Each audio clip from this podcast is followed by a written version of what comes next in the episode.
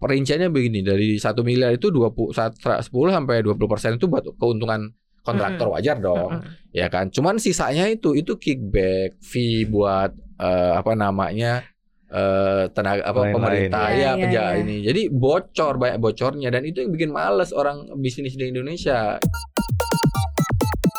Sementara beredar banyak banget kisah-kisah tragis di belakang itu Iya, ya. Buat jadi karyawan tetap harus staycation Iya, yang lagi gitu. kan. What the eh, gitu loh. Iya. Maksudnya maksudnya Kacau. apa Maksudnya. gitu.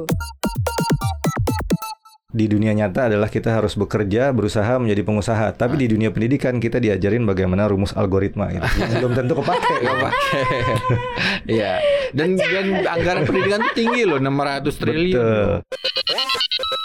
Koneksi. Konten ekonomi seksi. Podcast Job Job Cuan balik lagi hari ini bareng dengan orang-orang hebat yang akan ngobrolin isu-isu terkini tentunya. Gimana Sobat Cuan? Kondisi Sobat Cuan hari ini mudah-mudahan makin oke, makin hebat, makin cuan pastinya ya. Sesuai dengan koneksi hari ini konten Ekonomi. Seksi. Eh, bareng Maria Katarina, juga ada Mas Maruf di sini, Head of Ya. Research CNBC Indonesia dan juga ada Mas Adam sebagai produser CNBC Indonesia TV ya. Oke, hari ini kita mau bahas yang lagi ramai juga karena memang lagi ramai di cnbcindonesia.com sih ya, Ya. karena juga menarik juga untuk kita perdalam sih soal ini gimana kita sebagai eh, manusia yang harus survive hidup di dunia ini dengan bekerja Ya. harus bersaing mungkin dengan teknologi ke depannya harus bersaing dengan bukan hanya teknologi teman teman kita juga kita harus bersaing Betul. bersama dengan teman kita dengan skill yang kita punya nah kita bicara mengenai deindustrialisasi Hmm. kalau di CNBC Indonesia ini artikelnya mungkin sobat cuan bisa baca ini sih sebenarnya terkait mengenai jumlah pengangguran yang sebenarnya turun, Turun. tapi cari kerjanya makin susah iya, ya, Mas Maruf ya. betul. Kenapa bisa begitu? Kan harusnya kalau pengangguran turun berarti banyak orang yang Iya, kerja. kerja. Ha-ha. gitu. Ya Maria, Mas Adam. Jadi memang apa namanya kalau gue lihat itu datanya Hmm. bagus lah secara makro ekonomi itu bagus. Pengangguran turun menjadi 5,4 persen.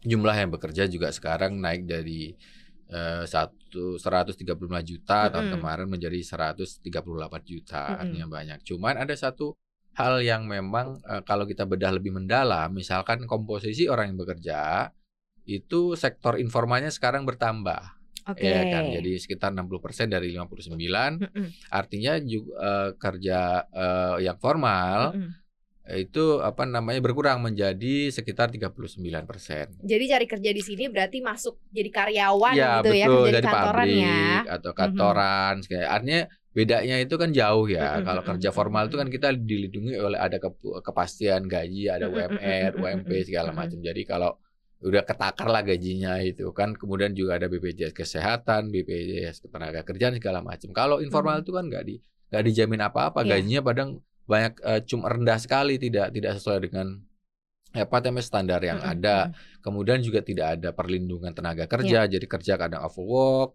gitu dan Mhm. eh, sektor eh, kadang kerja kadang enggak Mhm. gitu kan kadang bisnis segala macam. Jadi itu yang terjadi. Jadi kalau kita lihat eh, eh, itu dampak dari deindustrialisasi. Kenapa deindustrialisasi itu menyerap eh, serapan apa namanya eh, tenaga kerjanya cukup tinggi 14% Mhm, dari PDB. Deindustrialisasi itu apa sih sebenarnya? Deindustrialisasi itu kalau teman-teman apa namanya sobat cuan lihat itu adalah berkurangnya jumlah industri. Jadi eh, bertutup, Mhm. makanya ada PHK Mhm, segala. mhm, Orang-orang mhm. PHK ini kan nyari kerja susah Betul.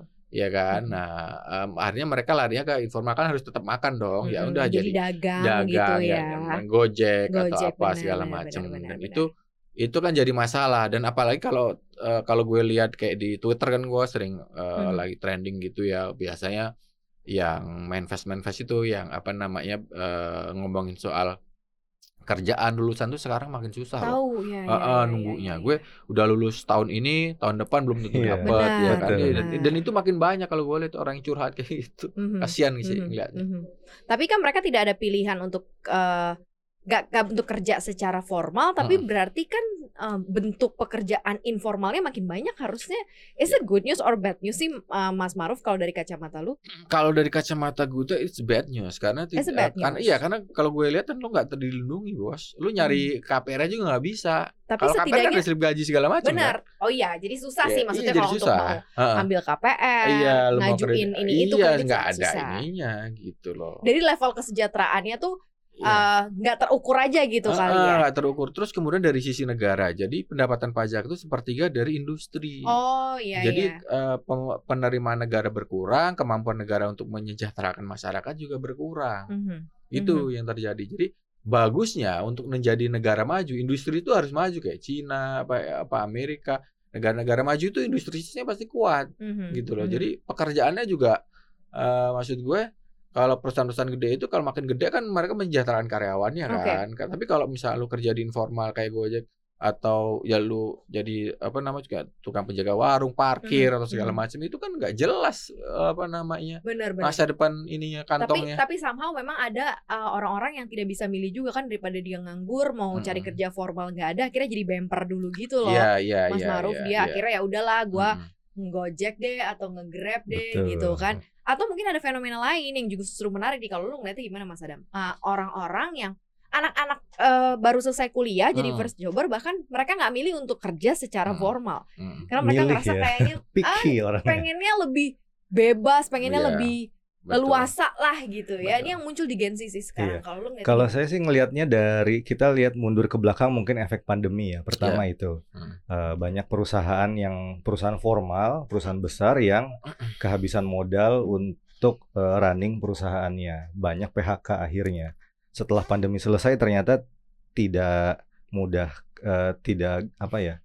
Nggak langsung nggak pulih. langsung pulih Yes. benar tidak semudah membalikan telapak tangan untuk kembali normal lagi Mm-mm. gitu kan mereka modalnya habis sementara tenaga kerja juga eh, harus dikurangin untuk demi efisiensi biar dia perusahaannya bisa tetap running gitu kan pertama kita lihat dari situ di pandemi itu bukan hanya mengurangi jumlah pekerjaan jumlah eh, para pekerjanya dan jumlah perusahaan yang akhirnya pada tutup tapi juga ternyata di sisi lain menimbulkan eh, apa ya lapangan pekerjaan baru tapi kebanyakan informal Mhm. yang pertama dengan keterbatasannya mungkin banyak orang yang akhirnya setelah di PHK eh, beralih jadi jualan mungkin ke e-commerce Ya. gitu kan. Dan akhirnya mereka nyaman di e-commerce gitu kan.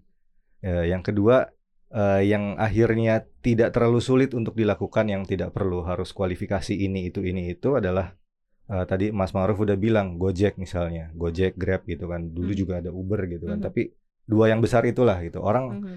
apa namanya masuk ke situ akhirnya dan Hmm. itu kan pekerja lepas ya dan sekarang Iya. juga kalau fenomena Gen Z sekarang adalah eh, mereka lebih memilih untuk mencari pekerjaan yang mungkin punya standar gaji yang tinggi Iya, dan segala macam dan segala macam lebih iya. picky gitu kan Mhm. akhirnya tiga fenomena itulah yang membuat eh, pekerjaan di sektor formal mungkin white collar ya sebutnya Iya. white Hmm, collar jadi hmm. lebih berkurang dan lebih banyak orang yang beralih ke blue collar gitu kan coba kalau kita lihat buka TikTok gitu wah Hmm. kalau live TikTok yang jualan tuh banyak banget gitu. lagi. tapi ini ternyata Dan eh, in fact sebenarnya mereka luar biasa juga loh income-nya ya. Kadang berpikir, penghasilannya "Gimana luar biasa." Biar gue bisa jualan karena juga kan orang di situ?" Indonesia kan konsumtif ternyata benar, gitu benar, benar, benar. yang walaupun nggak punya uang banyak tapi bisa pay later lah atau apalah Yes, gitu kan Iya, iya. akhirnya sektor informal itulah yang jadi mungkin lebih tinggi ya dalam Mhm. eh, setahun belakangan ini gitu jadi seperti itu kira-kira Nah sekarang sebenarnya kalau PR dari Hmm. pemerintah untuk membangkitkan citra bahwa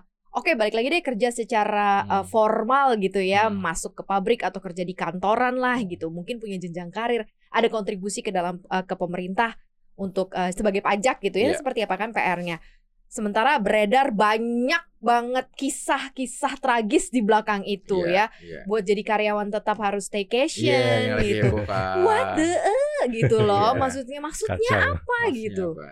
Ya kan, gimana Iya. coba? Ini kan juga terkait mengenai citra industri dan Iya. citra uh, dunia kerja yang memang Iya. harus ditampilkan juga. Iya, jadi memang eh, masalahnya itu tidak sesederhana itu ya. Maksudnya dampak satu kayak kita lagi rame sekarang kasus staycation di Cikarang gitu Mm-mm. kan ada lagi sekarang lagi diusut bahwa misalkan kalau di situ lagi di rame itu diceritain karyawatinya kalau mau perpanjangan harus apa namanya Hmm. bareng sama bosnya ya kan diajak. Nah, itu kan Dan tahu sama tahu semua Ya, orang sudah dan tahu itu di situ banyak katanya. ya artinya dan artinya posisi artinya gini loh posisi pekerja tuh eh, ba- daya tawarnya itu rendah terhadap apa namanya perusahaan sekarang karena begitu banyaknya apa namanya orang yang pengen bekerja di sektor formal Hmm. gitu kan. Nah, pemerintah seharusnya memang harus turun langsung. Salah satunya memang mendorong investasi Mm-mm. ya kan agar eh, pekerjaan-pekerjaan atau perusahaan-perusahaan yang apa namanya menciptakan lapangan kerja itu makin banyak. Nah, cuman memang kalau dari data makroekonomi pertumbuhan investasi itu melambat gitu. Hmm, Jadi hmm. eh, terhadap keseluruhan. Jadi kalau ekonomi itu sebenarnya gampang kok ngitungnya. Ekonomi itu eh, terbentuk dari misalnya konsumsi masyarakat 50% sekitar ada pengeluaran pemerintah, belanja konsumsi pemerintah atau belanja pemerintah itu 10%, ada investasi 10% dan 20%-nya eh, Hmm. ekspor dan impor. Nah, yang yang bisa me- mendrive, yang bisa mendrive apa namanya eh, lapangan pekerjaan itu paling banyak tuh investasi tadi gitu Hmm. kan. Nah, sayangnya itu pertumbuhannya melambat. Kenapa itu terjadi? Karena memang ada globalisasi. Jadi ada tren begini. Di dunia ini eh, sekarang itu trennya banyak perusahaan-perusahaan multinasional yang balik kandang. Hmm, Heeh, balik ke kayak- negaranya eh, sendiri negara- sendiri. Misalkan kayak Huawei, Betul. Huawei Iya, itu kan balik lagi ke China. Kembali ke Sampai, China. eh, kabur dari Amerika karena apa ribut pemerintahan Iya, Amerika iya, ini iya, kemudian juga banyak lagi istilahnya kalau istilahnya sok kerennya itu proteksionisme lah gitu jadi Mhm. banyak Mhm. sekarang itu mementingkan eh, eh, negara sendiri jadi untuk investor asing disusah segala dan kemudian kedua sebenarnya kita itu punya potensi ya Eh, kita itu kan eh, tena- eh, pen- negara dengan penduduk keempat terbesar di dunia Hmm. artinya pasarnya ada tenaga kerja juga ada nah memang itu challenge-nya pemerintah. Salah satunya memang itu yang sudah dilakukan untuk mengattract investasi itu cipta kerja. Cuman kita tahu kan ributnya kayak mana tuh cipta kerja ya kan. Itu ya, masalahnya. iya, Iya, karena iya, itu iya. namanya cipta kerja sebenarnya undang-undang itu diupayakan untuk menciptakan lapangan pekerjaan ya kan memotong ini, memotong itu gitu loh. Karena gini di Indonesia itu eh nggak efisien bisnis di Indonesia itu Mhm. bener-bener nggak efisien. Mahal ya? Mahal Jadi di gini, ya? ada namanya kalau uh, istilah ekonom-ekonom itu namanya ICAR, incremental capital output ratio. Iya, iya, Jadi kalau lu mau produksi barang satu dan uh, itu tuh harus ngeluarin tambahan modal sekian kan. Nah, di Indonesia sekiannya itu tujuh kali. 7 Hah? sampai 8 kali. Di Dibandingin sama? dibandingkan misalnya kayak Malaysia, tetangga-tetangga itu cuma Oh, empat atau gitu. tiga. Oke. Jadi kalau lu mau produksi satu, kalau di Indonesia harus ngeluarin tambahan modalnya lagi tujuh kali. Kalau di sana Indikatornya cuma apa tuh? Indikator Ini kenapa masalah bisa yang sampai umum segitu juga ya besarnya sebenarnya. ya? Gimana? Indikatornya apa gitu sampai segitu gedenya untuk untuk karena nambah kita modal banyakan kita? pungli, banyakan ini. Oh, Jadi kalau kalau data. KPK itu misalkan eh, dari proyek infrastruktur itu Mhm. itu survei terbaru dari mereka.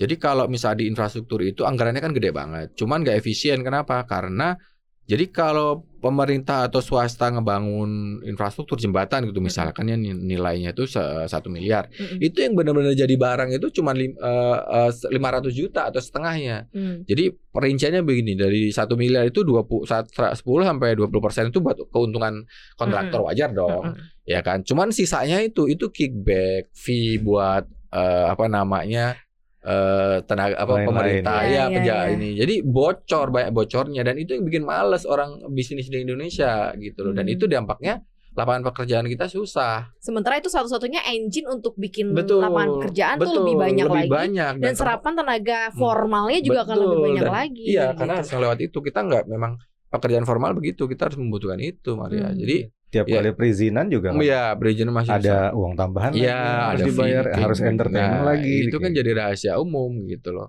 Oke. Makanya Ah. investor dari luar kayak mikir-mikir dulu nih kalau mau investasi ke Indonesia. Iya, mikir-mikir dulu kalau untungnya gede banget eh, apa namanya? males gitu loh. Contoh deh, mobil di Indonesia itu harganya itu jauh lebih mahal daripada eh, mobil di kayak di Amerika apa buat yang sama itu hampir Betul. dua kali ya. Itu itu itu itu karena memang banyak Iya iya iya. banyak iya, iya. apa ya biaya biaya ininya biaya silumannya lah kalau gitu ya kan. Itu Iya. bikin kita susah. Satu masalah lagi Ah. mungkin yang cukup umum di Indonesia adalah Iya. biaya tenaga kerjanya mahal Ya. Hmm. dan eh, Biaya tenaga kerja tuh maksudnya dari upah bulanannya Upah atau karena buruhnya. harus membayarkan juga apa namanya uang di luar itu misalnya kayak ada eh, kesejahteraan apa Iya Iya kan kesehatan eh, gitu ya. elemen-elemen apa faktor-faktor yang untuk eh, misalnya eh, elemen kesejahteraan buruh itu Mm. udah ada berapa puluh ya kalau nggak salah udah di atas 40 itu. Iya. Terus harga harga pekerja di Indonesia, maksudnya upah pekerja di Indonesia itu jauh lebih tinggi misalnya dibandingkan dengan eh, di India, di Bangladesh, di China misalnya atau di negara-negara tetangga misalnya seperti Vietnam itu upah buruh di Indonesia jauh lebih tinggi dengan produktivitas yang belum tentu lebih tinggi dibandingkan Iya. buruh-buruh di Iya. negara lain. Iya. Belum lagi kalau ada demo dan segala macamnya Hmm. aktivitas berhenti ya investor atau perusahaan global atau perusahaan besar lainnya pasti akan mikir, aduh kalau di Indonesia udah terlalu banyak tapinya nih gitu Mhm, kan. mhm. Dari masalah buruhnya, dari masalah perizinan gitu kan, bahan baku dan segala macamnya gitu. Itu jadi masalah satu. Yang satu lagi mungkin lebih eh, pengusaha itu akan lebih memilih eh, ke digitalisasi Hmm. atau ke mesin gitu kan Betul. dengan biaya yang yang dikeluarkan di awal lebih besar, tapi hanya satu kali dikeluarkan dan itu akan menjadi aset gitu kan, bisa digunakan selama berpuluh-puluh tahun, hanya menggunakan biaya maintenance selama berapa tahun Ya, gitu lebih kan. murah lah ya. Lebih Karyawan murah. jadi Kalau bukan di- aset ya. Ya karyawan jadi ada perusahaan di dinilainya bukan aset gitu kan. Apalagi untuk sektor-sektor manufaktur atau padat karya Iya, gitu iya, kan. iya, iya, iya. Kurang lebih seperti itu. Jadi ya yang semua yang bisa pekerjaan yang sifatnya daily rutin yang administratif mungkin masih bisa ya, tapi yang udah kayak di pabrik itu udah pakai mesin aja lah gitu. Iya orang maksudnya kayak gue aja ya. Pekerjaan-pekerjaan gue terancam loh. Gitu Mm-mm. misalnya gue kan nulis kerjaan gue ya kan. Sekarang ada chat GBT. Lu bisa tolong buatin artikel ini gitu. Itu langsung muncul ya. segala macam. Iya. Itu banyak banget gitu dan sebenarnya ada upaya pemerintah kemarin Mhm. itu sebenarnya Pak Jokowi menginisiasi namanya industri making eh, industri 4.0. Ya, ya, ya, itu ya. tuh jadi teknologi apa namanya industri yang berbasis teknologi dan digital gitu segala Mm. macam. Cuman problemnya itu kan cukup serius. Jadi 40% tenaga kerja kita itu cuma lulusan SD, mereka nggak ngerti. Nah, sayangnya Nah, gitu itu dia. Dia. Jadi itu itu juga gitu yang jadi jadi susah juga ininya. Jadi ya eh, kalau menurut gue sih memang eh, harus ada terobosan lah untuk eh, apalagi ini mau pemilu ya ke depan ini persoalannya gimana. Nah, ca- gue harapin sih sebenarnya capres-capres itu menjawab pertanyaan-pertanyaan gini karena mereka yang bisa mengubah. Kan nggak berubah dari kemarin-kemarin. Iya. ya, artinya PR yang itu. iya PR-nya gitu. Kalau gue sih ngeliatnya begitu. Oke, harapannya ya untuk Hmm. capres yang sekarang nih karena Hmm. memang lagi hangat-hangatnya gitu ya, walaupun namanya belum di announce siapa-siapa aja ya. Cuman kalau dilihat dari semuanya keseluruhannya, deindustrialisasi ini kan berarti memang harus dihadapi dong mau nggak mau, bener nggak Mas Maruf? Iya itu terjadi tren di tren di global sebenarnya Ah. deindustrialisasi itu karena eh, ya tadi orang-orang pada udahlah gue balik kandang aja ya Hmm. kan eh, di negara negaranya masing-masing gitu karena kalau dulu eh, eh, apa namanya dan dan itu lebih aman lah bagi Hmm. pengusaha. Nah itu memang harus diatasi gitu kalau kalau Kalau dari sisi si humannya manusianya sendiri gitu, ketika Eh, nanti dia udah nggak bisa compete Hmm, dengan orang lain, Hmm. kemudian juga dari sisi industrinya sudah tidak tersedia gitu, Hmm. karena tadi banyak yang balik kandang, tutup gitu. Dan dianya sendiri pun akhirnya kerjanya cuman Mm. sebagai pedagang misalnya atau Mm. di sektor Mm. uh, informal, Informal gitu. lainnya, ya. Gimana caranya meningkatkan level Oh. skill up-nya dia supaya jangan berpikir jadi pedagang tapi jadi entrepreneur gitu. Iya iya ya kayak seharusnya gitu. begitu. Maksudnya maksudnya gini, seharusnya eh, apa namanya sektor informal itu sebenarnya ini bisa diolah sebenarnya. Mhm. Maksud gue begini, kalau eh, apa namanya artinya kayak kayak Kemenkop gitu kan, Kementerian apa nama ekonomi eh, apa UKM UKM dan koperasi itu harus lebih lebih apa ya men- mendorong lah gitu terciptanya pengusaha-pengusaha baru nggak ada masalah kalau Yes. gitu kalau memang sektor informal artinya kan dan itu kan gini loh kalau lu lu di PHK segala macam lu kan harus nyari makan Benar. iya kan Iya Eh, kan? nah Ya salah kalau satu ada kantor atau perusahaan Iya langsung pilihan terima iya gitu iya kan. pilihannya adalah dua lu bisnis ya kan lu Hmm. bisnis atau enggak nah seharusnya apa namanya eh pemerintah atau pengambil kebijakan itu mempermudah bisnis atau eh, startup baru atau usaha baru KM baru itu Mhm. dipermudah kalau itu Mhm. nggak masalah sebenarnya karena nanti kalau ketika lu di PHK kemudian lu bisnis bisnis lu bisa berkembang itu kan nanti akan menciptakan lapangan pekerjaan lu dan itu Yes. beralih menjadi formal Hmm. gitu kan lu gaji Hmm. karyawan lu sesuai Hmm. standar gitu Hmm. nah problemnya adalah eh untuk untuk sukses bisnis itu nggak gampang Benar. itu iya kan sekarang gini kalau lu kur emang ada kredit usaha rakyat ya kan Iya. cuman di situ juga syaratnya harus punya aset lu harus ada digadein lah kalau lu nggak punya aset mau gimana sukses ya untuk Iya, mendaftarkan mobil rumah masih- mendaftarkan usahanya Masih kredit. masih kredit kan nggak bisa dijaminin Iya, mendaftarkan gue. usahanya sendiri aja udah misalnya ya Ah. kita tahu sendiri pasti akan repot ya izin Iya. usaha eh, Ah. di ini yang apa namanya usaha kecil gitu kan. Iya. Oke perizinan, Hmm. Eh, presiden bilangnya oke satu hari harus jadi. Hmm. Pada kenyataannya kalau kita Mm. nggak bolak-balik ke sana atau nggak. "Ah, ini tolong dilancarkan gitu. Mm. Kalau di Jakarta mah enak, kalau di daerah itu lebih parah lagi. Iya, masalahnya kan kita lagi tidak ya. bisa hanya terpusat di Jakarta kan gitu kan. Hmm. Pasti harus di orang-orang di daerah juga kan itu juga pasti butuh apa ya Hmm. kepastian bisnis, kemudahan bisnis gitu kan. Mhm, mhm. Ease of doing bisnisnya di Indonesia masih Hmm. kurang bagus juga kan ternyata. Iya. Masalah perizinan itu kan terutama. Terus gimana dong biar nggak jadi snowball effect-nya yang kayak gini-gini kan? Artinya eh, penganggurannya berkurang tapi yang kerja serabutannya makin banyak, banyak. tapi dari level proteksinya nggak Kurang ya. eh, nggak ada gitu ya Iya. bahkan kurang dan kontribusi kepada negara nggak ada gitu Iya, kan iya, iya. karena kan tidak membayar pajak gitu kan Iya. penerimaan pajak negara juga akhirnya ber- eh, berkurang ini kan harus diselesaikan nah, supaya snowballnya tidak makin gede Mm. yang paling cepat apa kalau menurut lu Mas Maruf? Sebenarnya gini, kalau untuk terobosannya mau nggak mau memang ada dua. Satu, kalau untuk apa namanya industri menengah dan besar, ya kan, itu harus ada investasi, ya kan. Hmm. Kita harus mempermudah. Itu kan memang itu tidak gampang, apalagi sekarang lagi krisis finansial di secara Di global, ya mana-mana. kan, di mana-mana gitu. Artinya orang kalau mau investasi ke Indonesia juga juga mikir lah dua kali, apalagi yang tadi gue bilang eh, biaya lain-lain biaya silumannya masih tinggi Hmm. gitu kan. Nah kedua itu benar-benar harus ada program apa ya kalau menurut gue. Jadi gini, ada ada teman gue yang pernah ke Cina gini. Jadi Hmm. nah, dia itu eh mampir lah kayak di Glodok gitu, mampir kayak ke ke pusat apa eh, jualan eh, ah, penjualan segala penjualan macam. ah. Bos, gue mau bikin ini bisa nggak? Oh bisa pak, gitu loh. Gampang banget gitu. Gue mau pesen ini segini itu bisa. Padahal itu itu kayak misalkan dia mau pesen HP merek baru dia mau dibikin dia mau jual di Indonesia nanti dengan merek dia sendiri Hmm. gitu kan. Oh bisa. Dan itu tuh nggak gede itu itu tuh Kios-kios perusahaan kecil, kecil. gitu. Ha-ha. Kenapa dia perusahaan apa namanya usaha orang di sana itu bisa terima order kayak gitu? Karena pemerintahannya menyediakan blueprint. Jadi kalau lu mau bikin ini itu udah di riset sama pemerintah ini loh caranya. Hmm. Heeh, jadi lu nggak perlu ngeluarin riset and development yang biaya riset tuh tinggi loh kalau mau lu mau bikin, bener bikin eh, makanya lu riset. mahal mas Lu aset negara ini lu mas Masalahnya di Indonesia saat ini Iya. dan risetnya diacak-acak. Ya, ya kan. Sekarang maksud gue kayak brain gitu kan. Iya, iya, ya iya, brainnya iya, iya. sekarang ya sorry ya maksud gue eh belum ada kayak misalkan gue mau bikin ini terus mereka ngeluarin ini loh cara cara bikinnya eh, apa namanya dari A sampai Z sampai jadi produk gitu. Iya, Tuh nggak how to. ada. How to-nya itu nggak ada. Jadi kalau lu mau bikin sendiri lu harus mikir sendiri dan itu biaya mahal gitu. Gue pernah ngomong sama satu satu pebisnis gede banget itu yang bisnis di apa namanya energi Mhm. gitu energi terbarukan. Dia aja dia mau bikin mau bikin produk baru, dia itu harus keluar negeri nyari contoh gitu loh. Eh, dan itu tuh banyak negara yang R&D-nya bagus. Jadi gitu. Jadi semua dari sisi ekonomi apa namanya dari sisi eh, tadi eh, teknologi research and development Mhm. dari sisi human apa namanya humannya Ya. itu harus semua simultan dan itu pekerjaan tidak gampang memang tapi harus dimulai mau nggak mau kalau Hmm. nggak nanti kita terjebak yang namanya middle in trap jadi kita itu Hmm. nggak maju-maju Bukan gitu loh susah. lagi. dan itu kita udah 20 tahun 20 berada di iya. tempat Begitu. Mhm. gitu lo kita susah sejahtera jadinya gitu kan enaknya kan maksud gue kalau ya kalau kocek banyak kan kita enak hidupnya Benar.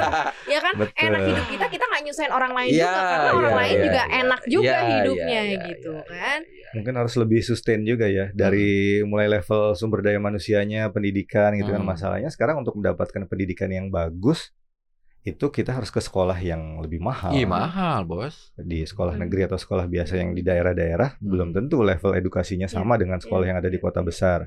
Itu kan sebenarnya kalau kita melihat manusia sebagai aset, ya itu akan menjadi aset kita di jangka panjang gitu Benar, kan. Sebagai benar. negara itu butuh aset ya asetnya sumber daya gitu kan. Iya. Makanya dulu atau mungkin sampai sekarang masih ada program yang namanya kalau mahasiswa yang pintar di sekolah yang luar negeri. Oh, iya. Nah, Mhm. nanti harus berkontribusi kepada negara. Masalahnya ketika setelah di sekolah yang luar negeri tidak kembali ke Banyak yang balik Indonesia. males ya gajinya Gitu. kecil. soal di sana Karena di sana lebih mudah, lebih dihargai, Dihargai, iya, ya, dihargai dia, kepintarannya, benar. lebih dihargai karya-karyanya. Kalau udah masuk ke Indonesia, mau berkarya kayak apa juga agak susah gitu kan. Iya. Penghargaannya kurang Iya. seperti itu. Jadi itu yang harus diubah, mengubah mindset itu memang tidak mudah, tapi bisa Benar. dilakukan sebenarnya kan. Mhm. dan nggak usah ditunda-tunda lagi ya merubah Betul. mindset dan entah ini mau mulainya dari mana ya kayak kalau kata Mas Maruf kayak ayam sama telur mana duluan ya yang harus didahulukan gitu ya tapi ya ini proses kita bersama dan kita harus menghadapi memang dunia yang Iya, berubah, ya harus mau nggak mau dunia macam. yang kita mungkin nanti akan ditinggali oleh anak cucu kan udah berbeda lagi ya Iya. 20 30 tahun lagi ke depan nanti akan seperti apa ya tapi sobat cuan ya udah mulai melek lah berbagai Hmm. hal yang harus dilakukan gitu ya mindsetnya dibentuk juga kemudian juga eh, orientasinya juga berbeda eh, ke depannya gitu jadi harus terus skill beradaptasi ya. adaptasi Iya, skill makanya ya kalau kan? gue sih, kalau gue sih saran kalau temen-temen eh, yang masih kuliah Mm-mm. atau memang dapat belum dapat kerja gitu Mm. ya. Nah, kondisinya memang susah.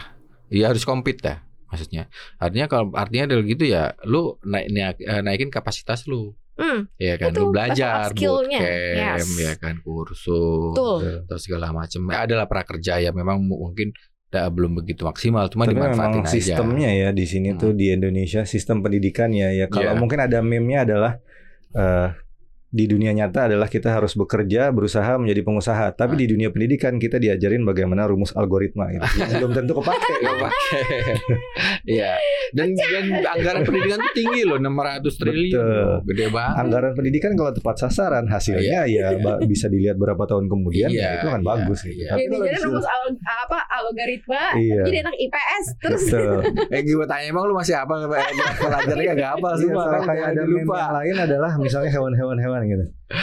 Ikan disuruh manjat pohon yang nggak bakalan bisa. Iya. dong. Harus sesuai ikan ya diajarinnya berenang Iya. gitu. Itu harus dari kecil gitu. Makanya di China itu mendidik orang itu ya dari umur 2 tahun, 3 tahun, 4 tahun mereka sudah difokuskan ke satu bidang. benar Hmm. benar Kita tidak bisa menguasai semua bidang tapi satu bidang tapi kita bisa expert di situ. Itu lebih baik sebenarnya. Ya, ya, ya. Mudah-mudahan ya itu bisa jadi salah satu uh, masukan atau suntikan ilmu parenting ya buat orang, orang tua sekarang oh, iya, ya. iya. Iya, Yang lagi komplit, menghadapi anak-anak Iya, yang lagi mempersiapkan ya ke mempersiapkan. depannya. Kan dari level gitu. keluarga demi kepentingannya bersama negara nanti. Iya. pastinya.